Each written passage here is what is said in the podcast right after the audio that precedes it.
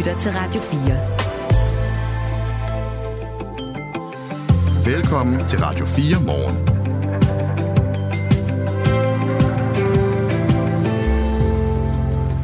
PLO, det er de praktiserende lægers organisation, og PLO i Nordjylland har fredet videokongen, ham, der havde tjent 2,4 millioner kroner på videokonsultationer. Det viser en orientering, som vi på Radio 4 er besiddelse af. Og klokken 7.07 så stiller vi spørgsmålet, hvad delen er meningen? Det gør vi til formanden for udvalget for nære sundhedstilbud i Region Nordjylland. Hvis du har 1000 kroner i lommen, så har du halvandet år til at bruge dem i. 31. maj 2025 vil 1000 kroner sedlen ikke længere være gyldig som betalingsmiddel i Danmark. Det fortalte Nationalbankdirektør Christian Kettel Thomsen på et pressemøde i går. Det er noget, vi har varmet op til siden, jeg tror i forgårs eller dagen før, hvor børsen jo havde luret, at det var det sådan en historie, der var under opsejling. Og nu kom den altså, og det er rigtigt nok. Det, det, er, det er simpelthen det, man vil. Og det er ikke alle, der er lige begejstret for nyheden om, at tusindlappen forsvinder. Det kan faktisk få konsekvenser for nogle mennesker, der arbejder med sikkerhed omkring kontanter. Direktøren i sikkerhedsbranchen er med os. Det er den danske brancheforening for sikring og sikkerhed. Jeg tror, det kan tælles på øh, en hånd mange gange, jeg har haft en tusind lap i lommen. Men var det ikke dejligt? Jo, det føles rart. Ja, det er der også mange, der synes. Okay, det er sådan de mere håndfaste nyheder. Der er også nyt fra øh, konflikten i Israel. Spørgsmålet er, om den der våbenhvile bliver overholdt. Det vender vi også tilbage til.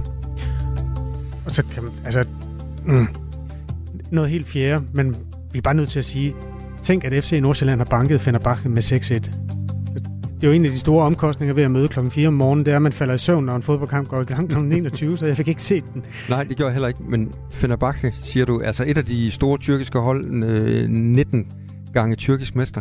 Øj, har du det på privat på øh, paratviden? Nej, det har jeg ikke. Det, jeg læste også her til morgen. Ja, ah, det, det er helt sindssygt. Det er helt sindssygt, og det er selvfølgelig trøjerne er jo de samme, som de altid har været. Spillerne var ikke helt de samme. Man havde blandt andet øh, været nødt til at stille med en 17-årig ung mand i forsvaret, som åbenbart har haft en rigtig, rigtig, rigtig dum aften. En kamp, han aldrig glemmer. Ja, men øh, kæmpe bedrift. Det skal vi da lige også slå et slag for, når nu vi brugte noget tid på FC Københavns store triumf øh, ved at klare noget uafgjort mod Bayern München forleden. Det går godt med dansk klubfodbold, og der er håndbold i fjernsynet i aften, og det er fredag. Godmorgen, jeg hedder Kasper Harbo. Godmorgen, jeg hedder Claus Andersen lytter til Radio 4. Vi begynder med den vagtlæge, som har tjent 2,4 millioner kroner på at lave videokonsultationer i lægevagten. Det er jo sådan en mulighed, man har som vagtlæge, at slå mobilkameraet til hos den øh, patient, der ringer ind, og så kan man af den vej lave en hurtig undersøgelse. Og der er gode honorarer forbundet med den her løsning. En enkelt læge har altså tjent 2,4 millioner kroner på det, og det har ført til, at man har lavet en undersøgelse en hemmelig undersøgelse i virkeligheden fra praktiserende lægers organisation i Nordjylland, for at finde ud af, om de der tal virkelig øh, dækker over et, hvad skal vi kalde det, et forbrug, der kan retfærdiggøres, eller det var måske det, der var den underliggende mistanke, om lægen har draget fordel af, at den mulighed eksisterer, og at det er lægens eget ansvar at finde ud af, hvornår den skal bruges eller ikke bruges. Region Nordjylland vil altså undersøge, om der var vagtlæger i regionen, der misbrugte systemet, men de praktiserende læger organisationen, de praktiserende lægers organisation i Nordjylland, vil ikke dele sine data med regionen. I stedet valgte PLO i Nordjylland altså at indlede sin egen undersøgelse af den her ene vagtlæge. I en orientering til udvalget for det nære sundhedsvæsen, en orientering, som vi har set, der står der, at konklusionen på undersøgelsen er, at der er ikke noget at komme efter. Lægen har rettet ind efter brugen af videokonsultationer i den seneste tid. Pia Bus Penstrup er formand for udvalget for det nære sundhedsvæsen i Region Nordjylland. Godmorgen. Godmorgen. Altså, det er jo et kæmpe beløb, som man gerne har vil kigge nærmere på, og nu har man så gjort det. Hvad siger du til konklusionen? Jamen, jeg synes jo, det er lidt øh, modsatrettet, når man med den ene hånd undersøger sig selv og siger, at uh, konklusionen er, at det her, det, uh, at uh, vedkommende læge har rettet ind. Jamen, så er det også et udtryk for, at at øh, der er noget, der ikke har været, som det skulle. Øh, for ellers er det jo ingen mulighed at rette ind. Øh, og med den anden hånd, så siger de, at der er ikke noget at komme efter. Så jeg synes, det er lidt modsatrettet øh, fra PLO. Vi har jo et rigtig godt samarbejde normalvis med PLO, og, og det, det har vi en god og lang tradition for, og det synes jeg sådan set er rigtig dejligt. Men i den her sag, øh, så bliver det altså, så bliver det lige... Øh, så bliver det lige en tand for, for spids, fordi vi, øh, vi skal ikke mistænkeliggøre lægerne som sådan. Det, øh, det har vi sådan set ingen interesse i. Og derfor vil vi sådan set også bare gerne se de tal, der ligger. Øhm, så, så derfor så, øh, altså vi synes jo, det er jo os, der som politikere er, øh, skal være dem, der holder øje med borgernes penge, og derfor synes vi, det giver god nok mening, at øh, man, lige, øh, man lige tager et tjek på det her. Pia Bus Pindstrup er altså formand for udvalget for det nære sundhedsvæsen og valgt for konservative i Region Nordjylland. Og så er du også sygeplejerske i øvrigt, så øh, du har også øh, hvad skal man sige, en baggrund i sundhedsvæsenet selv. Øh, den her vagtlæge, det man konkluderer i lærernes organisation, det er, at han har gjort, hvad han er blevet bedt om. Altså, ser du også sådan på det? Ja. Øh, nej, det synes jeg selvfølgelig ikke er, er i orden. Altså, vi har jo videokonsultationer, var det jo noget, man indførte øh, under covid, og øh, det gav jo rigtig god mening, at vi kunne få ekspederet nogle flere patienter og hjulpet nogle flere borgere i Nordjylland, øh, når ikke der kunne være fremmøde øh, under de restriktioner, der var der. Så, så derfor blev videokonsultation jo noget, der, der lige pludselig øh, fik fart og tog fart, og det øh, gav rigtig god mening, fordi jo flere vi kan hjælpe øh, på kortere tid, jo bedre. Øhm, men, men når man så øh, sådan systematisk øh, bruger det på den her façon, som det har set ud til i den øh, artikel, I har bragt om, øh, om Bjarne Gertsen, så, øh, så er jeg nødt til at, at slå vagt i gevær, fordi så er det jo, at man ikke... Øh, så er man ikke moralsk øh, i orden her, fordi man kan sige, at vi har ikke nogen forpligtelse til at, at komme og kontrollere, hvor mange videokonsultationer har I, eller, eller hvor mange må I have. Altså, vi har ikke noget loft på det, og det har jeg det sådan set også rigtig fint med, for det her, det skal være en lægelig vurdering, og det skal komme patienterne til gavn, hvis der er noget, man bliver i tvivl om. Så derfor findes den her mulighed jo, og det er rigtig godt. Men når man ikke kan finde ud af, øh, hvor meget og hvor lidt man skal bruge, så, øh, så er det klart, at så bliver vi nødt til at og, øh, og stille skarp på det her. Og så synes jeg jo, at, at det her det er jo et klart brud på vores fælles lægevagtsaftale, hvor det står, at de skal gøre data tilgængelige for os, og det gør de ikke. Det kan være, at jeg lige skal beskrive de systemer, der snakker sammen her. Altså, du repræsenterer jo regionen og dermed det politiske system. Så er der nogle vagtlæger, som har en aftale med regionen og vi skal lige sige, at den vagtlæge, øh, som bruger de her mange videokonsultationer, ham har vi selvfølgelig også inviteret øh, til at tale med os her i Radio 4, men han er simpelthen ikke vendt tilbage. Den her høje indtjening, 2,4 millioner kroner på videokonsultationer, fik i første omgang regionen, Region Nordjylland, til at selv vil undersøge, om nogen misbruger systemet. Og bedt de praktiserende lægers organisation om at få nogle data øh, men det ville man altså ikke udlevere. Det må du lige fortælle lidt mere om. Hvad er det for nogle data, I gerne vil have haft? Jamen det er klart, det kan godt blive lidt teknisk, men, men man har jo, øh, man kan jo se, øh, altså praktiserende læge i Danmark er det mest monitorerede lægesystem, vi har.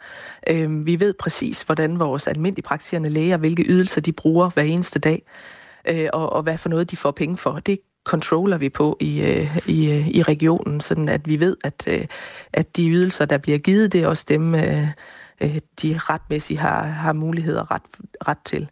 Øhm, men, men på samme måde er det med vores vagtlæge ydernummer, fordi man har et ydernummer per læge, øh, når man passer sin almindelige praksis, og så har man også et vagtlæge ydernummer, når man passer sin, sin praksis om aftenen. Øhm, øh, sådan, som, som sådan er jo en, en fælles praksis, kan man sige, hvor alle praktiserende læger er i puljen. Øhm, og, øh, og den der, de der ydernummer, øh, der er i vagtlægeordningen, jamen det er ikke os, der ejer deres tal, altså kan se ind i, hvilke ydelser giver de. Og derfor er vi nødt til at spørge praktiserende læger, hvad er det for nogle ydelser, der bliver givet her? Og jeg kan godt forstå, at, at PLO har sagt, at det her det handler også om GDPR-ordningen. Øh, og, øh, og vi har bare sagt, at vi behøver ikke fra, fra regional side at kende det her ned på CPR-nummerniveau. Det er ikke det, vi er interesseret i. Vi er interesseret i antallet af ydelser. Og det, øh, så er det sådan set ligegyldigt, hvilket, øh, hvilken patient, der har fået hvad. Det er antallet af ydelser, vi har, vi har gået op i. Så derfor må de gerne rense det, de der tal øh, væk fra, fra GDPR, så bliver der ikke nogen problemer i det, som, som vi ser det. Mm. Men det er selvfølgelig noget juridisk, og så noget juristeri, det har vi politikere ikke så god forstand på, så derfor har vi også ladt vores folk undersøge det her til bunds øh, i, i regionen, øh, selvfølgelig med dem, der har forstand på, på jura. Men altså, som vi ser det, så er det et klart brud på vores fælles lægevagtsaftale, hvor der står, at de skal gøre data tilgængelige for os, så vi selvfølgelig er samarbejdspartnere. Mm. Altså, det er jo dem, der udfører opgaven, og det er os, der betaler. Så vi synes sådan set, det giver god nok mening, vi har indsigt i det. Lærernes organisation PLO i Nordjylland har vi selvfølgelig også øh, tilbudt, at de, en repræsentant for PLO der kan få lov at være med. Øh, men ja, det, de har så valgt at skrive et lidt sådan længere skriftligt svar, øhm, men oplyser, at de ikke har udleveret nogen data til regionen på grund af det her med databeskyttelsesloven. Det er så også det samme, du siger, Pia Bus Pendstrup. Øhm, til, altså PLO har jo selv undersøgt, om de der 2,4 millioner kroner er brugt i overensstemmelse med, skal vi kalde det, systemets ånd, eller sådan noget. Ja. Øhm, ja. Har du ikke tillid til deres undersøgelse? Jamen, jeg synes jo, det er uheldigt, at man undersøger sig selv på den her måde, og ikke vil lad os få, få del i det her. Altså, det er jo den del, der bliver mistænkeligt, ikke også? Øhm, jeg har jo ikke noget imod, at der er nogle læger, der tjener nogle penge. De må de hjertens gerne. De ekspederer patienter hver eneste dag, og det er vi rigtig, rigtig glade for. Øh, det, der bare er, det er jo, at, at den enkelte læge ødelægger det for de mange. Fordi det her, det er jo den opfattelse, borgerne i Nordland får af vagtlægerne, at det er så nogen, der tjener mange penge, når de læser det her eller hører det her i radioen. Øh, så derfor så er det jo, øh, der er jo rigtig mange vagtlæger, der bare går på arbejde og passer deres ting øh, rigtig godt og har en sund og god moral, som, øh, som, øh, som ligesom godt kan finde ud af, hvor er balancen i de her ting. Og det er jo det, der er ærgerligt ved det her, at, øh, at hvis der er et enkelt brødenkar, at det skal være, så synes jeg sådan set bare, at det er en ledelsesopgave fra PLO's side at sige, det her, det kan vi ikke acceptere, det er at gå over stregen, jamen så, øh, så må man så tale med den her vagtlæge om, om han skal fortsætte med at være vagtlæge, eller hvordan det er. Det er en ledelsesmæssig opgave. Mm. Men vi interesserer selvfølgelig os voldsomt for, hvor, hvor, hvor bruger vi pengene, og hvor bruger vi dem mest rigtigt, for vi skal have mest mulig sundhed for pengene. Tak fordi du var med, Pia Bus Pendstrup, øh, konservativ formand, eller ikke, ja, det er du ikke. Ja, velbekomme. Du er formand for udvalget for det nære sundhedsvæsen og konservativ. Tak for ja, det. nemlig. Den ja, vej rundt. det er godt. Og øh, ja, som sagt, PLO, der er stadig mulighed for at svare, hvis nogen fra organisationen lytter med her, så skal I vide, at øh, den der invitation til øh, at være med i interview om den her undersøgelse, den gælder endnu. Klokken er 17 minutter over syv. Det her er Radio 4 morgen. Kasper, lytterne, de reagerer noget forskelligt på dit øh, projekt Hvid December, altså hvor du fra i dag øh, ikke drikker alkohol øh, måneden ud. Mm. Tommy skriver til os, fordi du er en tøsedreng, Kasper, skal andre have lov til at nyde en øl. Hvad rager din personlige holdning andre? Ja, øh, fedt Tommy. Du må skal bare drikke igennem. Jeg er totalt i orden øh, med det. Det her det er jo bare for at prøve noget nyt. For at prøve, når man tager sådan en mand som mig, det kunne også være en mand som dig, Tommy. Du lyder som om, du er fuldstændig mellem 40 og 60 og lige så rigid som resten af vores generation. Hvis du har lyst til at prøve noget nyt, så kan du bare lytte med, og hvis du ikke orker det der, så er det lidt ligesom, hvis der er et indslag om øh, Gaza, og det ikke interesserer dig, så skal du bare lige lave noget andet imens. Du kan drikke en øl, for eksempel. Der er rigtig mange, der er stemplet ind, øh, efter det blev offentliggjort på, øh, på Facebook, det her. Anne Vibeke, Axel, Henrik fra Aarhus, øh, han gider dog ikke nytårsaften, men ellers er han med hele måneden. Maja, Nils Kravlund, Anne Kovstrup, Pernille Kronborg. Der er også en fyr, der hedder Jacques Auder, der skriver, at han har indstiftet en bevægelse, der hedder Sort December. Hver morgen i december starter han med en guldøl. Og det kan man følge med på en hjemmeside. Så det er jo det er forskelligt, hvordan man ser på det. Det er ikke et moraliserende øh, eksperiment, det er bare et eksperiment. Og så kom der en mand mere, der også vil være med. Han hedder Erik Adrian. Han bor på Vesterbro i København. Og han er, det gør han. Han er med nu, kan jeg høre. Godmorgen, Erik. Erik. Hej, hej. Du har sagt ja til at være med i Kasper Harbos projekt. Ja, jeg synes, det er super godt. Jeg kan godt forstå, at jeres morgenradio er blevet premieret. Altså, det, det giver os lyttere sådan muligheden for, at det kommer ind under huden, og jeg synes, det er et totalt spændende øh, eksperiment, som selvfølgelig er, som jeg også allerede har sagt, er helt frivilligt. Det siger sig selv. Men altså, øhm, jeg, jeg, øh, jeg øh, gør, hvad hedder det, er alkoholfri øh, i øvrigt sådan i fastetiden, altså i kirkens fastetid, så, så jeg er så, så at sige træning med det, men jeg har ikke sådan, jeg har, altså rent kirkeligt, så er det jo også en beredelsestid til, til med julen og sådan noget. Det er faktisk mm. en tid, hvor man øh, også, øh, altså hvor faste også er et tema, men det har jeg været rigtig dårligt til, altså hvor jeg indrømmer, og, og så, så kom det, øh, øh, så, så kom det bare sådan øh, vældig øh, belejlighed. Øh, altså, det var faktisk forfængelighed, øh, vil jeg sige, der, der, der gjorde, at jeg besluttede mig for, at jeg ville hoppe med på vognen. altså, jeg... Erik, jeg har lige googlet dig. Du er præst. Øh, ja, kan det, er det fængselspræst i virkeligheden? Ja, netop, ja. Og der, der vil jeg sige, det, det er altså, på to fronter af det her tema, som jeg har taget op. Øh, spændende for mig jo, fordi øh, dels altså selvbeherskelse, det er jo, det er jo som vi, altså, det er en del af, af, af åndens frugter, ikke? så det, det kommer ind sådan noget om i eget trosliv. Men selvbeherskelse, det er jo i den grad også et tema i mit arbejde. Altså, jeg mener, der er jo rigtig mange indsatte, også i Vesterfængsel, som er havnet der, øh, fordi de ikke har haft øh, særlig meget selvbeherskelse. Øh, så så det, det er spændende på så mange øh, fronter. Og, øh, men, men det, der lige gav de mm. sidste, eller til, til at sætte det her, det, det så, så hopper jeg også med på. Det var som sagt faktisk forfængelighed, fordi øh, øh, altså, jeg er gammel sportsmand og sådan noget, og så, så øh, har vi på et kursus på præstehøjskolen derovre i Bygum Kloster, hvor vi så var en 10-12 præster, der skulle læse hele Bibelen øh, på to uger, og det selv sagt, så sad vi jo rigtig meget ned. Og det ja. var sindssygt mad derovre, så jeg tænkte, det, det nu er jeg ligeglad med det der med kilo og sådan noget. Så der røg et, et par slagsen på. Ja. Og så er det slået hvor svært det faktisk er øh, at komme af med de der par kilo. Og ved du hvad, det har jeg faktisk øh, fået øh, dokumenteret forleden, fordi jeg ringede til en læge. Hun sagde, at det svarer til et hovedmåltid om dagen, hvis man har sådan det der gennemsnitlige forbrug af to-tre øh, to, stykker. Ikke? Øh, og det, det er det, man skærer fra. Så jeg vil foreslå både dig, Erik, og alle de andre mennesker, som er stemplet ind. Thomas fra Hundested har også lige øh, skrevet en sms, at han godt vil være med øh, på den hvide jul, eller den hvide december det er, at man øh, vejer sig her til morgen, og så finder vi ud af 1. januar, om vi rent faktisk er gået igennem december uden at tage på. Det skulle der være meget bedre mulighed for, når man ikke øh, drikker. Erik Adrian, øh, fedt at have en præst med os. Det kan blive væsentligt. Det kan vi sagtens få brug for. Tak fordi du ringede til os. Velkommen. Vi høres ved. Måske skulle vi samle nogle af alle de her medlemmer af din øh, projektgruppe, når, når vi når januar. Vi kunne lave sådan en knastør julefrokost. For, ja, det kunne vi også. jeg, tror, jeg tror, der skal være mindst en fuld mand til en julefrokost, hvor den bliver rigtig sjov. Øhm, men det kan også fikses. Det finder vi ud af hvis du vil være med på det her projekt, jeg tror, jeg bliver nødt til at lave en Facebook-side, øh, hvor man lige kan udveksle erfaringer. Er det et løfte? Ja, så skriver man på 1424, hvis man vil deltage. Og hvis man har sådan noget mere dybt, man vil med, så har jeg også en mailadresse. Det kan man, du, du kan også skrive og svine mig til, hvis du har lyst, Tommy. Øh, nummer, eller navnet på min mailadresse er kha radio 4dk Det her er Radio 4 morgen. Hvor vi skal til noget helt andet, for efter en uge med våbenhvile mellem øh, terrororganisationen Hamas og Israel, er kampene i Gazastriben nu genoptaget. Det oplyser det israelske militær her til morgen, øh, og det gør det ifølge Reuters. Det israelske militær beskylder samtidig Hamas for at bryde våbenhvilens betingelser. Tidligt fredag morgen, altså her til morgen, meddelte det israelske militær, at der var blevet afværget et raketangreb fra Gaza.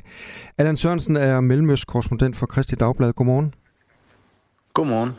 Betyder det her så, at øh, krigshandlingerne mellem øh, Hamas og Israel er, er brudt op igen her til morgen?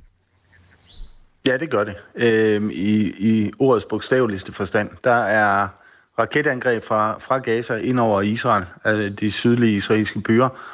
Og samtidig så er der øhm, israelske kampfly, der, der rammer mål inde i, inde i Gaza, blandt andet i det område, der øh, altså omkring byen Khan Yunis, som ligger i det sydlige Gaza, og hvor Israel mener, at Hamas-ledelsen opholder sig i, i øjeblikket. Den bliver ramt lige nu, den by.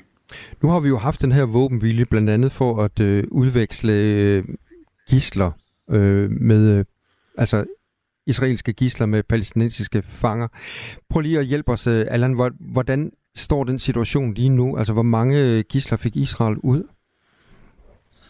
Øh, omkring 80, mener jeg. Altså 80 israeler, så oven i det øh, en række øh, øh, gæstearbejdere, øh, hovedsageligt fra Thailand. Så jeg mener lidt over, lidt over 100, 105 måske. Øh, det menes, at der er 135 gisler tilbage øh, på, på nuværende tidspunkt inde i Gaza. Og hvad får det så øh, konsekvenser, at kampen er genoptaget? Jamen, det betyder jo, at man ikke forhandler om gisler lige nu, og at man slår sig i stedet for. Og det, øh, altså flere ting. Det bringer gislerne i fare for at blive ramt, øh, og det betyder, at der i hvert fald ikke i dag øh, kommer nogen fangeudvekslinger eller gisseludveksling. Øh, men måske på et senere tidspunkt. Altså, jeg ved ikke, hvad parterne har, har tænkt sig nu øh, fremover. Vil Hamas måske tilbyde øh, en, en, øh, en løsladelse af gisler på, på søndag eller på mandag, eller måske allerede i morgen, det ved vi simpelthen ikke. Israels militær udtaler her til morgen, at det er Hamas' der er skyld i, at øh, kampene nu er genoptaget, da de har afværet et uh, raketangreb fra, fra Gaza. Altså israelerne har afværet et uh, raketangreb. Kan vi være sikre på, Allan Sørensen, at den oplysning uh, er korrekt? Øh, ja, øh, det kan vi faktisk godt. Jeg var selv vågen, da det skete, øh, og jeg så billederne af øh, den ene raket, der blev affyret mod Sterot, øh, og som blev skudt ned af, af Israels øh, missilskjold. Øhm, og det, jeg kan jo selvfølgelig ikke sige med 100% sikkerhed, om det er en gammel optagelse, eller det er herfra fra i morges. Men det ligner meget, meget de raketangreb, øh, vi har, vi har set tidligere fra Gaza. Og samtidig så kom der et angreb inden våbenhvilen altså officielt løb ud. Der var der et angreb på den, øh, det bysamfund, der hedder Cholit, også nede ved gasen til, eller grænsen til Gaza. Plus oven i de to ting, så øh, hævder Israel, det ved vi heller ikke med sikkerhed, men Israel siger, at de heller ikke har modtaget, øh, som planlagt og som en del af aftalen, har de ikke modtaget en liste over de gister, der skulle have været frigivet øh, her i løbet af fredag, hvis altså våbenvinden øh, øh, holdt. Og derfor øh, kom der efter, efter få minutter en besked fra den israelske øh, hærs øh, talsmandskontor, der sagde, at Israel nu har øh, genoptaget angrebene, efter at Hamas har brudt våbenhvilen. Vi taler med Allan Sørensen, der er mellemøstkorrespondent for Kristelig Dagblad. Og Allan, øh, har det overhovedet været på tale, at den her våbenhvile den så skulle øh, forlænges endnu en gang? Ja, ja, det har det. Øh, selvfølgelig. Øh, hele natten igennem. Altså, der var faktisk et tidspunkt i nat, hvor blandt andet Wall Street øh, Journal, det amerikanske medie, meldte ud, at der var allerede, altså parterne var allerede nået til enighed om at forlænge våbenhvilen, så den også øh, ville gælde her hele fredag, altså ind til lørdag morgen. Men øh, ændringen, altså det blev ændret, og, og, og udviklingen har så været øh, derefter. Der er ingen våbenhvile, og i stedet for så er der kampe. Altså som om, som om vi, øh, øh parterne egentlig fortsætter der, hvor de slap, før våbenhvilen kom i stand øh, sidste fredag. Allan Sørensen, der er en øh, lytter, der skriver til os, selvfølgelig stiller journalisten spørgsmål om Israel lyver. Ak, ja. Men hjælp os lige her, Allan Sørensen. Kan vi stole på alle de øh, informationer, som øh, kommer i den her konflikt mellem øh, Hamas og Israel? Nej, der er mange, vi ikke kan stole på, og, og der er også mange, som vi tjekker, og, og der er mange, der skal tjekkes igen og igen og igen. Øh, men der er også nogle ting, der er lettere at tjekke end, end andre. Øh, men ofte vil jeg sige, altså de, de ting, vi ikke ser ske, øh, de bliver jo også sværere at tjekke, øh, så det kræver tid. Øh, men de ting, vi kan se live, og de ting, vi også øh, er i stand til at få verificeret af, af kilder, for eksempel inde i Gaza, ikke kun én kilde, men, men mange forskellige kilder, jamen det er, øh, det, det, er jo, det er jo vores job at tjekke det med så mange som muligt, for at få det, øh, altså det korrekte billede af, hvad der egentlig er sket. Og det er derfor blandt andet, jeg kan sige, at der er allerede ramt mål inde i Khan Yunis her til morgen, fordi jeg har talt med øh, personer i Khan Yunis, der taler om de her nye israelske angreb mod, øh, mod byen. Allan Sørensen, øh, nu er kampene så genoptaget her øh, klokken, ja, omkring klokken 6 dansk tid. Øh, hvordan stiller det så øh, den her drøm, som mange har haft om en længerevarende våbenhvile? Den er jo blevet øh, forbudt, øhm, og, og, og vi ved ikke, hvordan parterne vil, vil forholde sig de næste dage. Altså, hvordan vil Israel agere? Vil de trænge længere sydpå? Vil de omringe Khan Yunis? Hvad skal civilbefolkningen i Gaza gøre, når de jo allerede, altså de, de er jo i forvejen trængt ned øh, sydpå, og kan ikke komme længere ned sydpå? Skal de så flyttes mod nord, hvor der er, øh, altså hvor der i forvejen er, er bombet, og, og hvor den israelske hær opholder sig? der, der er virkelig mange spørgsmål her, altså mange ukendte faktorer, som vi, altså vi, vi ved faktisk ikke, hvad der vil ske, fordi vi jo heller ikke kender Israels øh, helt nøjagtige planer. Og jeg kan sige så meget, at de israelske øh, medier omtaler et meget, meget anspændt møde mellem Anthony Blinken øh, i går, den, den amerikanske udenrigsminister, og det israelske krigskabinet, hvor Blinken han simpelthen krævede et svar fra Israel på spørgsmålet om, hvad har Israel tænkt sig at gøre med civilbefolkningen? hvad har Israel tænkt sig at gøre med Gaza, når krigen er slut? Og det er det er spørgsmål, han ikke har fået øh, besvaret fra Israels side. Øh, og derfor er det som om, at tonen fra, fra USA er begyndt at ændre sig. Altså der er begyndt at komme et lidt større pres på Israel, end der har været tidligere. Fordi øh, to millioner omkring 2 millioner øh, civile i Gaza, de simpelthen er, er under øh, massivt pres i øjeblikket. Sagde altså Allan Sørensen, mellemøstkorrespondent for Kristelig Dagblad og med øh, direkte for Israel. Tak skal du have, Allan. Det var så lidt. Det med troværdigheden og det med at vælge side, det er også sådan meget markant, kan man se, når folk skriver ind til os her til morgen. Der er nogen, der gerne vil høre Israels forklaring på, hvorfor en 8-årig dreng på Vestbreden døde for et par dage siden. Og en anden skriver, om det er bevidst, at vi ikke dækker den terror, der skete i Jerusalem ved et busstoppested i går.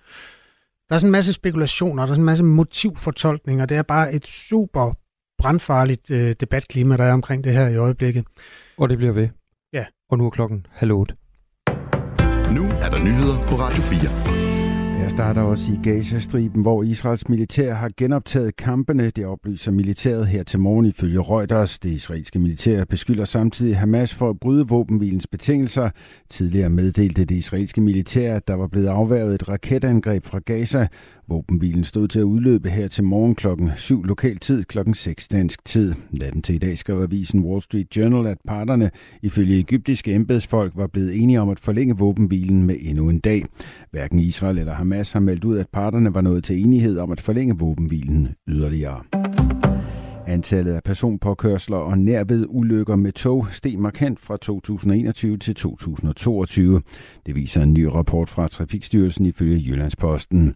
I 2022 blev 16 personer ramt af et tog, fordi de opholdte sig ulovligt på banearealer og var uopmærksomme. Det er seks mere end året før, og det højeste antal i syv år, skriver Jyllandsposten. Ulykkestallene er renset for selvmord. I ulykker, hvor en person bliver ramt direkte af et tog, mister personen som regel livet. Også antallet af gange, hvor det var tæt på at gå galt steg fra 2021 til 2022. Her lyder stigningen på 28 procent til 5.040 nærved ulykker sidste år ifølge Jyllandsposten. Ifølge DSB's sikkerhedschef Carsten Dam er det bekymrende, at det ikke kun er i Danmark, og det er ikke kun i Danmark, det har udviklet sig i den retning. Vi ser det også i andre lande, derfor er en af vores hypoteser, at der kan være tale om en post-corona-ting, at der er kommet rigtig mange ud efter coronaen og har skulle ud og have det sjovt, at de har ændret adfærd, siger han til Jyllandsposten. Fødevarer med lav klimabelastning som gulerødder og blomkål produceret i Danmark bør have en lavere moms end fødevarer med højere klimabelastning som eksempelvis oksekød. Det mener Moderaternes fødevare- og landbrugsordfører Charlotte Bakke Hansen, skriver politikken. Konkret foreslår Charlotte Bakke Hansen, at momsen på fødevarer med lav klimabelastning skal halveres, mens der lægges en afgift på mere klimaskadelige fødevarer. Det er vigtigt, at vi håndterer klimakrisen på mange forskellige måder, og en af de måder er vores forbrugsvaner. Derfor mener vi, at der skal være, det skal være både billigere og nemmere for danskerne at fylde indkøbskåen med grønne og sunde fødevarer, siger hun til politikken. Margrethe Vestager ser ud til at tabe kampen om jobbet som ny leder af den europæiske investeringsbank EIB. Den spanske finansminister Nadia Calvino er nemlig favorit til posten. Det fortæller Vincent van Petegem, der er Belgiens finansminister og formand for bankens styrelsesråd, der står for ansættelsen af den nye leder af EIB. Det skriver børsen, der har informationen fra mediet Politico. Han vil ifølge Politico sende et brev til de 27 EU-lande i bankens ejerkreds og bede dem om at vælge Nadia Calvino.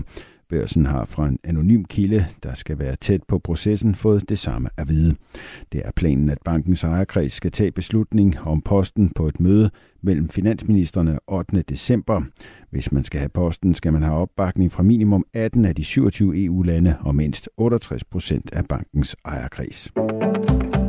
En amerikansk dommer har blokeret for en lov i delstaten Montana, der vil gøre det sociale medie TikTok forbudt i delstaten fra 1. januar. Det fremgår et påbud, som distriktsdommeren har udstedt. Her lyder det, at delstatens forbud overskrider delstatens magt og krænker brugernes forfatningsmæssige rettigheder. TikTok, der har flere end 150 millioner brugere i USA, bruges af mere end en tredjedel af indbyggerne i Montana, ifølge TikTok selv. I maj blev Montana den første amerikanske delstat til at forbyde TikTok. Det skulle i praksis ske ved at forbyde appudbydere at tilbyde appen gennem deres platforme. Forbuddet fik TikTok til at sagsøge delstaten, fordi det mente, at forbuddet krænker virksomhedens og brugernes ytringsfrihed. TikTok, der er ejet af kinesiske ByteDance, har ikke umiddelbart kommenteret den seneste udvikling i sagen. Skyde med enkelte snebyer over den sydlige del spredte snebyer, men også mulighed for lidt sol indimellem. Temperaturer mellem 3 graders frost og 2 graders varme og risiko for sne og isglatte veje i hele landet. Nyhederne var med Thomas Sand. Nu er der mere Radio 4 morgen med Kasper Harbo og Claus Andersen. Det her er Radio 4 morgen. Husk, at du kan sende os en sms på 1424. Det har Peter fra IKAST gjort. Sagen er jo den, hvis du har en 1000 kroner seddel i lommen, så skal du skynde dig ud og bruge den. Du har kun halvandet år, eller ombytte den til to 500 kroner sædler, kan man selvfølgelig også. Øhm, Peter han skriver, Afskeden med 1000 kroner er vel sagtens første skridt i udfasningen af kontanter, og samtidig begyndelsen på total overvågning af danskernes økonomi. Jeg er absolut ikke fan, skriver Peter fra IKAST. Og det er fra den 31. maj 25, at den her 1000 kroner den ikke længere er gyldig som øh, betalingsmiddel. Og øh, der er mange, ligesom øh, Peter fra IKAST, der ikke er særlig begejstrede over den nyhed, fordi det kan få direkte konsekvenser for en masse menneskers arbejde. Når klokken den bliver 20 7, så taler vi med direktøren i Sikkerhedsbranchen, som er den danske brancheforening for sikring og sikkerhed. Og øh, her er fremtiden øh, langt fra længere sikker. Klokken er 5 minutter over halv 8. Jeg hedder Kasper Arbo. Og jeg hedder Claus Andersen. Godmorgen. Du lytter til Radio 4. I flere af Europas storbyer skal man som turist betale en særlig afgift eller skat, når man er turist. En turistskat, det er noget, man betaler per overnatning. Jeg var en tur i Bruxelles for en måned siden. Der var det omkring en euro per døgn, jeg overnattede, der lige blev lagt oveni. Det er nogle penge, der ryger til den pågældende bys kommune. Sådan noget har vi ikke i den danske turisthovedstad København. Og det vil et flertal i politikerne, et flertal af politikerne i Københavns borgerrepræsentation lave om på. En af dem er Rasmus Stenberg, der er medlem for SF. Godmorgen. Godmorgen. Hvorfor vil I have en turistafgift? Jamen, det er simpelthen for at få noget mere balance i tingene. Det er sådan, at øh, når man både skal drive en, øh, en god kommune og være landets ansigt udadtil, så koster det faktisk mere end, end det budget, som Folketinget har stillet til rådighed for os. Og, og vi vil jo gerne tage imod turisterne, og vi vil gerne sørge for, at byen er ren og pæn, både for dem og, og for alle københavnerne. Altså sådan en turist tager sikkert en hotelovernatning per døgn. Kan vi forestille os det? Og måske et ja. restaurantbesøg eller to, og køber nogle souvenirs og sådan noget. Der er en masse gode penge, som er med til at øh, holde nogle mennesker i beskæftigelse, og de betaler kommuneskat. Så mm. der er jo nogle penge, der flyder af jeres vej i forvejen. Hvorfor skal de betale mere? Jamen, det er jo rigtigt, som du siger, der er nogle penge, der flyder. Det er bare ikke særlig mange penge. Og samtidig er det jo også sådan, at Folketinget har sagt, at der er et loft over, hvor mange af de penge, vi må bruge. Så derfor er der simpelthen brug for en, en kilde, og vi synes, at 1-2 euro er ganske rimeligt og, og absolut ufarligt, samtidig med, at det vil gøre en kæmpe forskel i forhold til at holde byen ren og sørge for, at der også er offentlige toiletter til turisterne. Mm, jeg kan lige komme med en faktaboks, inden vi går videre ned i det her. Rasmus Stenberg, som altså er byudviklingsordfører for SF og medlem af borgerrepræsentationen i København. Hvis en turistskat eller turismeafgift bliver til noget, så vil det, sådan baseret på de tal, man har for turismen nu, betyde en ekstra indtægt på 20 millioner euro. Halvanden million. Nej, undskyld, 150 millioner danske kroner. Der er nemlig 10 millioner turister, der overnatter i hovedstaden, eller der er i hvert fald 10 millioner turistovernatninger i hovedstaden. Gennemsnittet for afgifterne i andre hovedsteder, Paris og Barcelona, det er omkring 2 euro per overnatning, og det vil altså kunne sikre det, det der beløb på 150 millioner kroner i København. Hotel- og restaurationsbranchen er modstandere af at lægge flere udgifter på deres gæster. Hvad siger du til det, Rasmus Stenberg? Jeg kan da godt forstå, at, øh, at de gerne vil holde deres priser så lave som muligt. Øh, omvendt må man jo også bare sige, jeg tror, det er en win-win situation, også for turistbranchen, at byen den fremstår øh, så funklende som muligt, sådan, så turisterne har lyst til at komme øh, igen, også næste gang. Men også sådan, så vi kan få spredt turismen lidt fra Inderby, Christianshavn, Vesterbro, som jo klager rigtig meget over øh, masseturisme i sommerhalvåret, sådan så at, at det bliver håndterbart for alle parter, og det er det, vi kalder bæredygtig turisme i SF når man øh, sådan har morgenarbejde, som vi har herinde, så kører man jo gennem nogle gange København, nogle gange Aarhus øh, tidligt om morgenen, efter en, øh, at det, nogen har haft en våd aften, og det ligner jo altid øh, Jerusalems, nej det må man ikke sige mm. for tiden, at det ligner en, en ødelagt by, ikke? Øh, der skal jeg bare lige spørge dig, er du sikker på, at det er turisterne, der gør det? Det er jo sådan, at der er rigtig mange, der bruger byen, som også bor i København. Men vi må bare konstatere, at i lige præcis sommermånederne, så Øh, så får det altså et ekstra nyk af, og vores forvaltning siger til os igen og igen, har I ikke lyst til at investere i noget mere renhold af byen og nogle bedre faciliteter, og vi må bare sige, at vi har ikke pengene. Vi går simpelthen og skære ned på, på skoler, dagtilbud, ældrepleje, hele vejen rundt for at få enderne til at mødes. Det kan ikke blive ved, og så må Folketinget jo øh, nå sig sammen og give os nogle bedre rammer, tænker jeg. 2 euro ekstra per hotelgæst er altså jeres bud. Øhm, hoteller og restaurationer er organiseret i den brancheforening, der hedder Horesta. Og der er det den kommercielle direktør Jeppe Møller Hersken, der fører ordet på den her sag. Han siger sådan her.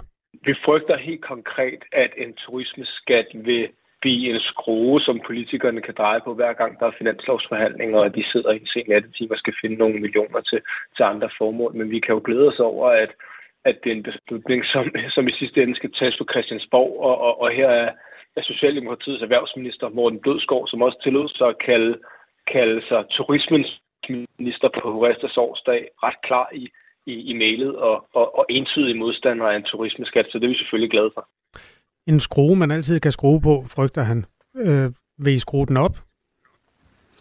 Vi har specifikt bedt vores forvaltning om at lave en model, øh, sådan så at der skal være en sammenhæng mellem øh, de, det slid, de udgifter, som turismen giver på København, og så de øh, kan man sige, den gebyr, vi opkræver. Øh, og det er jo også for at sige, at det ikke skal være en, en kæmpe malkemaskine for os. Det skal være for at få lidt mere balance i tingene. Den skal ligge lavt, så vi ikke skræmmer folk væk.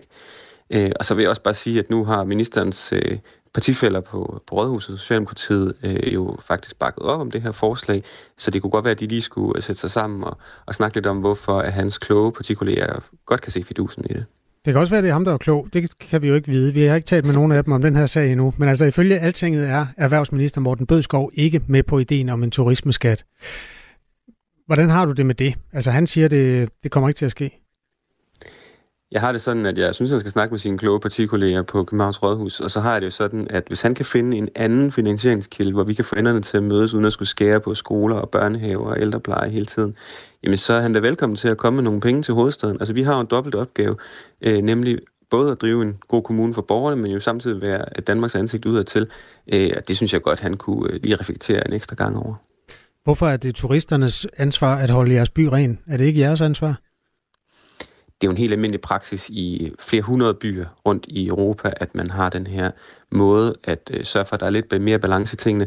Øh, vi har en opgave i at drive en rigtig god by. Det synes jeg også, vi gør, men jeg kan se, at det hvert år bliver sværere og sværere, fordi vi er nødt til at skære på alle mulige andre øh, services for også at kunne imødekomme de mange turister, der gerne vil være i København. Der er også masser af byer, der kan finde ud af at holde deres gader rene, også selvom de har stor turisme. Øh, Aarhus er et eksempel, øh, så uden at der er en mm. turistskat. Øh, tror du ikke, du skulle kigge, hvordan, hvordan de gør?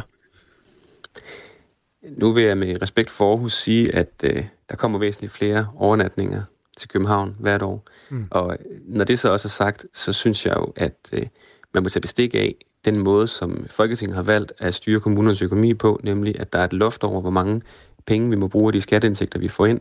Så hvis øh, Folketinget har lyst til at lempe på, på den øh, i stedet for, så kan de jo fuldstændig udgiftsneutralt for dem øh, sikre, at København har en bedre mulighed for at, øh, at drive kommunen. Så der er masser af ting at skrue på, hvis ikke man lige præcis synes, at turistafgiften er det rigtige greb. Men som det er lige nu, så synes jeg ikke, at vi kan være bekendt og blive med at skære på, på helt almindelige offentlige øh, ting som skoler og dagtilbud for at få hinanden til at mødes. Du må undskylde, hvis det er, fordi jeg ikke har hørt ordentligt efter, men der er bare en ting, som jeg ikke sådan, synes, jeg helt har forstået, Rasmus Stenberg. Den lige linje mellem jeres ansvar for at drive kommunen, og så øh, altså turisterne, og, og mm. det, det, det der med at holde gaderne rene. Altså, er det, er det dem, der ikke holder gaderne rene? Altså, nu ved jeg ikke, øh, hvornår du sidst som turist øh, gik og samlede op efter øh, ham foran dig, der kom til at øh, tabe et stykke affald på gaden. Altså, der skal jo da nødt til at være nogle kommunale medarbejdere, der går rundt og sørger for, at der er at tingene ser pæne ud, så det ikke løber løbsk. Altså, der er jo, kan man sige, mm. den der broken window-effekt. Hvis der først er noget, der ser skidt ud, så tænker folk, at her må vi godt svine. Altså, Men er det så ikke problemet, hvis der allerede ser skidt ud, at det er det, der får dem til at tro, at de må smide deres skole? Altså, jeg, jeg, jeg, jeg savner bare sådan en dokumentation for, at det er turisterne, der sviner. Jamen altså, turister sviner jo lige så meget som du og jeg, når vi bevæger os i byen. Øh, altså jeg tror, det der jo, man må holde fast i, det er jo, at vi har en dobbelt opgave som hovedstad. Øh, og den opgave er der jo ikke nogen andre øh, kommuner, der er blevet pålagt. Men hvis ikke der følger nogen indtægter med, så bliver det jo sværere og sværere at opretholde et højt niveau af både borgerne og velfærd og en god by for turisterne. Tak fordi du var med, Rasmus Stenberg. Jamen, det var så lidt byudviklingsord, ja, god dag. Øh, byudviklingsordfører for SF og medlem af borgerrepræsentationen i København. Det er en god debat, som også dukker op i Radio 4's øh, debatprogram Ring til Radio 4. Det er mellem kl. 9 og 11. Altså, om det er okay at indføre en turistskat, som altså måske også kommer til at øh, gå ud over alle dem, der ikke bor i København, når de kommer og bor på hotel. Eller er det lige grådigt nok? Det er en vældig god diskussion, som du kan tage del i klokken 9. Det her er Radio 4 morgen. Chat GPT fyldte i går et år, og den her teknologi, som øh, ligger bag den kunstige intelligens, den åbner for mange perspektiver, både muligheder og øh, dilemmaer. Og chat GPT var offentlighedens første indblik i, hvad øh, kunstig intelligens er i stand til, og at en computer kan meget, som også mennesker kan. Det fortæller Simon Bækgaard, der har skrevet en masse om både øh, AI og Open AI, altså kunstig intelligens, der er offentligt tilgængelig, som journalist på Zetland. I dag er han øh, forlagskoordinator på Zetlands forlag. Det, som ChatGPT jo først og fremmest var, var at, øh, at den blev sådan et vindue for offentligheden ind i øh, den virkelighed, som er på vej, som folk, der forsker i kunstig intelligens, måske har vidst var på vej i lidt længere tid end, end alle os andre, fordi lige pludselig fik vi den her chatbot, som, øh, som kunne en hel masse ting, som vi ikke havde regnet med, at en computer måske lige kunne, eller som vi i hvert fald ikke har været vant til som almindelige borgere, at, øh, at computer var i stand til. Altså at digte ligesom øh, Shakespeare, eller som øh, øh, Halvdan Rasmussen, eller hvem ellers man, man lige tænker, at den skulle digte som, eller, eller alt muligt andet, som vi ligesom har tænkt, det var primært mennesker, der kunne det. Og, øh, og, og der peger ChatGPT jo bare på en, en virkelighed, hvor det ikke kun er mennesker, der kan øh, de ting, som vi er vant til, at det kun er mennesker, der kan. Og det, og det er jo særligt sådan noget øh, kreativt og tænkende arbejde. Altså, man kan sige, indtil nu så har rigtig meget automatisering jo været automatisering af sådan nogle kedelige, øh, gentagende opgaver, og du ved, store maskiner, der kan gøre ting, som vi ikke behøver at gøre dem. Øhm, men nu er det også lige pludselig nogle af de, man får næsten lyst til at sige, nogle af de sjovere ting, som, øh, som ChatGPT øh, begynder at udfordre, eller som kunstig intelligens ligesom begynder at sige øh, og gøre indtog i. Simon Bækgaard siger, at øh, uh, chat GPT og kunstig intelligens giver mennesker mulighed for mere frihed, og vi skal tage stilling til os selv og vores eget liv, og hvordan vi vil bruge vores tid, og det er positivt. På den anden side er der også en risiko for, at øh, det hele det løber løbsk, og man kan frygte, at kunstig intelligens opnår en selvbevidsthed og vil gøre menneskeheden ondt. Det kan dog også erstatte en masse arbejdskraft og måske komme til at oversvømme os med dårligt indhold, men det er fremtidsperspektiver. Så hvor står vi nu her et år efter chat øh, GPT blev offentlig? Det svarer Simon Bækgaard også på. Altså det er et område, der har udviklet sig enormt meget på et år. Både teknologisk, men særligt øh, i vores kollektive bevidsthed. Øh, så, så nu er det lige pludselig meget mere synligt for mange flere mennesker, at en del af deres eller deres øh, venners eller kollegaers arbejde bliver øh, erstattet eller automatiseret på en eller anden måde, og at de selv kan begynde at bruge kunstig intelligens øh, til øh, en hel masse ting, og til enten at blive mere effektive, eller også på en måde, som måske ender med at erstatte dem selv. Øhm, og samtidig så er det jo også blevet øh, meget mere udbredt alle mulige andre steder. Altså for eksempel i Snapchat, som har udrullet sådan en chatbot, øh, som jeg tror for et år siden ville have fået øh, folk til at spære øjnene sådan noget mere op, end den, end den gør nu, og den gør det alligevel øh, også nu. Og når ChatGPT fylder to år, så skal vi nok regne med, at den kunstige intelligens kan endnu mere, end den kan nu, og er blevet en større faktor i vores øh, samfund. Noget af det, jeg siger indimellem, er, at man ikke skal vurdere de her teknologier på, hvad de kan lige nu, fordi det udvikler sig så hurtigt.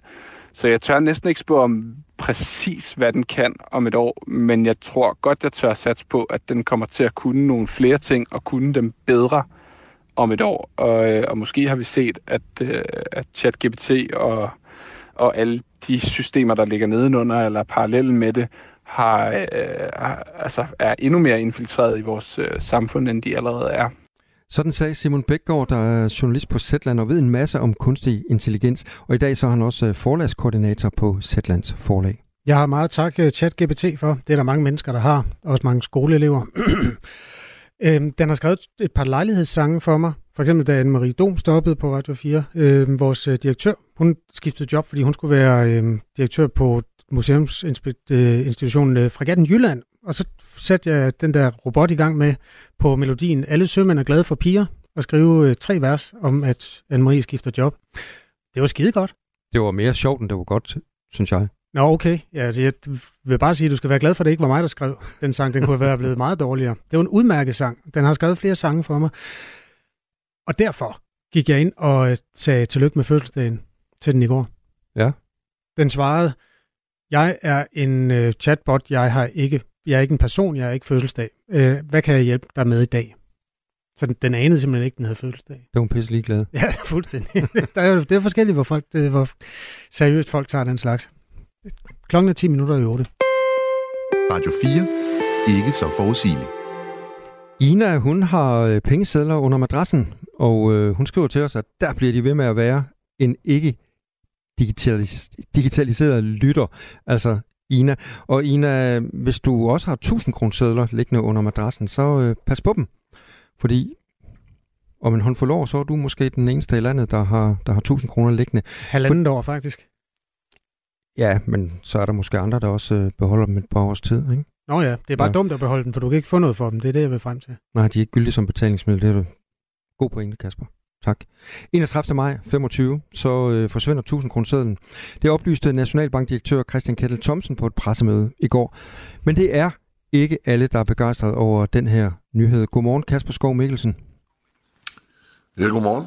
Du er direktør i Sikkerhedsbranchen, øh, som jo er den danske brancheforening for sikring og sikkerhed, og I kører rundt med en masse kontanter. Og Ja, I, det er os, der har Nationalbankdepoterne og håndterer alle kontanterne i samfundet. Ja. Er det okay, at fortælle lytterne, du har været til julefrokost i går? Det, det har du fortalt også. Det synes jeg også, jeg kan høre. Jeg synes, ja, vi, øh, var, vi var til julefrokost med bestyrelsen i går. Ja. Men i, i, i, ja, okay. Så der røg en masse 1000 kroner hen over disken. Det tror jeg nok, der gjorde. Kasper Skov Mikkelsen, øh, ifølge dig, så er det her ikke den rigtige vej at gå. Øh, hvorfor ikke? Jamen, altså, nu kan man sige, at det her med 1000 kroner altså, det er jo bare at skyde gråsbue med kanoner. Øh, og, og endnu en, en, en pind til, til kontanternes ligekiste og en måde at, hvad kan man sige, mistænkeliggøre folk, der bare gerne vil bruge kontanter. Men altså, så tager vi nok to 500 kroner sædler i stedet for. Det, der er problemet, det er jo den rapport, der blev sluppet fra, fra øh, Nationalbanken samtidig med, med pressemødet i går, hvor man talte om 1000 kroner, hvor man lægger op til at lempe kontantpligten yderligere. Hvad betyder det? Ja, det betyder jo, at i dag så har, har butikker og, og andre øh, jo lov til at afvise og tage imod kontanter, for eksempel efter klokken 8 for, for de flestes vedkommende om aftenen. Og nu vil man så, øh, det man lægger op til i rapporten fra Nationalbanken, det er jo, at, at en hel række, for eksempel hoteller, restauranter, biografer og sådan nogle, øh, slet ikke øh, skal tage imod kontanter. Det er kun øh, ja, altså livsnødvendige, såsom fødevarer, apoteker, brændstof og sådan nogen, som, som skal blive ved med at tage imod kontanter. Så det bliver endnu sværere øh, at bruge kontanterne, og derfor så vil endnu flere jo øh, holde op med at bruge de her kontanter, og til sidst så, så kan jeg bare sige, som, som den, der repræsenterer dem, der, der har infrastrukturen omkring kontanterne, at så forsvinder de. Jeg taler med Kasper Skov Mikkelsen, der er direktør i Sikkerhedsbranchen. Og Kasper, hvem er det så, altså af dine medlemmer, der kan øh, potentielt miste jobbet i den her udfasning øh, af 1000 kroner Jamen, det er jo de øh, virksomheder, der, der transporterer kontanterne og håndterer dem og sætter dem i omløb igen. Øh, men, men altså, ja, undskyld, øh, det er jo ikke, fordi vi er ligeglade med vores medlemmer, men det her er jo et kæmpemæssigt samfundsmæssigt problem. Altså, vi arbejder jo med sikkerhed til daglig, og, og kontanterne er jo en del af vores samfundsmæssige beredskab. Øh, så, så hvis vi får afskaffet kontanterne, uanset om vi går og siger det modsatte til hinanden, ja, så mangler vi altså en, en, en, en backup, når strømmen går, eller russerne hacker nettet. Men hvordan er det en del af det samfundsmæssige beredskab, øh, siger du? Jamen altså, vi er jo alle sammen glade for at betale med, med kort og mobile pay og så videre. Men det kan vi jo ikke, når hvis nettet er nede, eller strømmen er gået. Øhm, og, og hvad skal vi så, hvis ikke vi har kontanterne? Øhm, vi taler jo om, øh, det gør Nationalbanken også, i deres rapport om, at vi, vi skal kunne klare os selv i 9-10 dage. Øh, og det, det bliver altså svært øh, uden øh, kontanter, som, som vi ikke har noget at handle for. Alle andre lande omkring os, det gælder Norge, Sverige, Finland, Tyskland, opfordrer jo deres borgere til at have kontanter liggende derhjemme i tilfælde af krise eller krig. Det, der jo bliver omdelt pamfletter, husstandsomdelt i, i Sverige og Norge, til alle borgere, hvor, hvor, man, hvor de taler om dåsemad og, og, og, og kontanter. Du skal have nogen liggende derhjemme, fordi, så du kan klare dig en uges tid. Det er ikke kun forbrugernes øh, købemønstre, der ligger bag beslutningen om at øh, udfase 1000 kronersedlen. Det handler også om økonomisk kriminalitet, og at øh, kriminelle ikke skal kunne bruge de her 1000 kronersedler til hvidvask i detaljhandlen. Politiet vurderer, at 1000 kronersedlen er den mest benyttede seddel i forbindelse med kriminalitet og hvidvask. Det fortalte Nationalbankdirektør Christian Kettel Thomsen ved pressemødet i går. Hvorfor er det ikke i din optik et argument nok for at lukke ned for 1000 kronersedlen, altså udfase den? Jamen hør nu her, hvis man var bange for kriminalitet, så skulle man jo lukke nettet. Altså det her, det er jo at skyde på med kanoner. Nu, nu, nu må man højst betale 20.000 kroner kontant, ellers, så, ellers er, det, at man øh, overtræder man hvidvaskloven, og det kommer til at blive sat ned til 15.000 kroner her i foråret. Altså jeg må, må jeg minde om, at der var en, der stjal 12,7 milliarder fra staten via nettet og at, at øh, Danske Bank hvidvaskede halvanden milliard via en filial over i de Est, øh, jeg tror, det er Estland. Altså, og så står vi og kigger på at udfase kontanterne, fordi at vi laver sort arbejde for hinanden for 500 eller 5.000 kroner. Det er jo så fuldstændig sindssygt, at man, at man sætter samfundets beredskab på spil for at ramme sådan nogle, nogle små øh, beløb der, hvor man samtidig øh, så vender ryggen til at sige, at det er jo helt fint, at der bliver svindel for milliarder på nettet. Vi lukker jo ikke de elektroniske betalinger, fordi at der er 400.000 misbrug af dankortet om året. Altså, vi er jo nødt til at acceptere, at der er nogle mennesker, der er kriminelle. En lille bitte del af os, og så er der ellers øh, en meget, meget stor del af os, der bruger kontanter, uden at være kriminelle. Kasper Skov Mikkelsen, øh, direktør i Sikkerhedsbranchen. Øh, I lever jo af at fragte øh, kontanter rundt i hele landet, blandt andet. Så handler det her ikke bare om, at du frygter for jeres virksomheder? Nej, altså, jeg, jeg frygter det for vores virksomhed, fordi det virker jo som om, at, at øh, stærke kræfter i det her samfund har sat sig for at få afskaffet kontanterne. Men det er altså et, et, et lille bitte problem, at vi mister nogle arbejdspladser. Jeg tror nok, vi finder noget andet at lave. Men, men at, at vi på den her måde, i en, i en situation, hvor vi faktisk er krigsførende, øh, sætter vores beredskab på spil øh, ved at, at save den, øh, en af de grene over, vi, vi kan sidde på, øh, når øh, krise eller krig opstår. Det, det er fuldstændig uansvarligt. Sådan sagde altså Kasper Skov Mikkelsen, direktør i Sikkerhedsbranchen, som er den danske brancheforening for sikring og sikkerhed. Tak fordi du var med, øh, Kasper Skov Mikkelsen, og smut du ind og tag en lur med Jørgen Panodil. ja, tak skal du have. Jeg giver manden fuldstændig ret. Kontanter er backup-systemet til, at samfundet kan fortsætte også efter en større krise, skriver Ulrik, som er fra Nordfyn. Øhm, mm, det behøver ikke kun at være krig og russiske hacker. Det kunne også være, øh, at elnettet kollapsede en eller anden dag, når der kom en større naturkatastrofe. Det er fuldstændig gaklak, at man nedlægger de her institutioner, der er bærende i samfundet, og som sagtens kan gå hen og blive bærende i en tid fremadrettet, hvor der opstår problemer med infrastrukturen på nettet, skriver Ulrik. Jon, han skriver, alle ved, hvor det kontantløse samfund ender. Det ender med sociale kreditscorer, ligesom i Kina. Men dem, der sidder på den digitale betalingsinfrastruktur, gnider sig i hænderne, tænker Jon. Lena fra Aarhus, hun er dødtræt af 1000 kroner sædler, øh, fordi hun åbenbart har oplevet gang på gang, når hun har hævet 1000 kroner, at det så er kommet som en helt seddel. Jeg er mega træt, skriver hun, af at få udleveret 1000 kroner sædler, når jeg hæver penge i en automat. Jeg glæder mig til, at den går væk. Jeg er meget interesseret i, at vi beholder kontanter generelt, som to 500 kroner sædler, eller 500 kroner sædler og 50 kroner sædler. Sådan læser jeg hendes besked. Øh, der er også en, der har lyttet med på et tidspunkt i går, hvor en vognmand har stemplet ind, øh, han havde 150.000 kroner, eller 150.000 kroner sædler, altså 150.000 liggende. Det er mange penge at liggende i kontanter. Og så kommer den der tanke, som, som der også bliver henvist til her. Hvor fik han mund dem fra, bliver der spurgt. ja, hvor mund? Jamen, det er jo det der underliggende, at øh, man er nok en lille smule kriminel, hvis man har en masse penge liggende. Altså, hvis du har 150.000 i banken, så er du per definition ikke kriminel. Hvis du har dem i et skab, så er der nok noget lorent ved dig. Det er der altså, også hvis han er vognmand, så har han vel bare fået nogle kontanter fra en bundemand, der skal have nogle sten flyttet fra en mark. Det er jo betænkeligt, at han har haft kunder, der har betalt kontant. Det findes jo. Ikke mindst øh, ude på markerne. Lige om lidt, så er der kontante nyheder. Klokken den øh, er 8. Thomas Sand, værsgo. Du har lyttet til en podcast fra Radio 4. Find flere episoder i vores app, eller der, hvor du lytter til podcast. Radio 4. Ikke så forudsigeligt.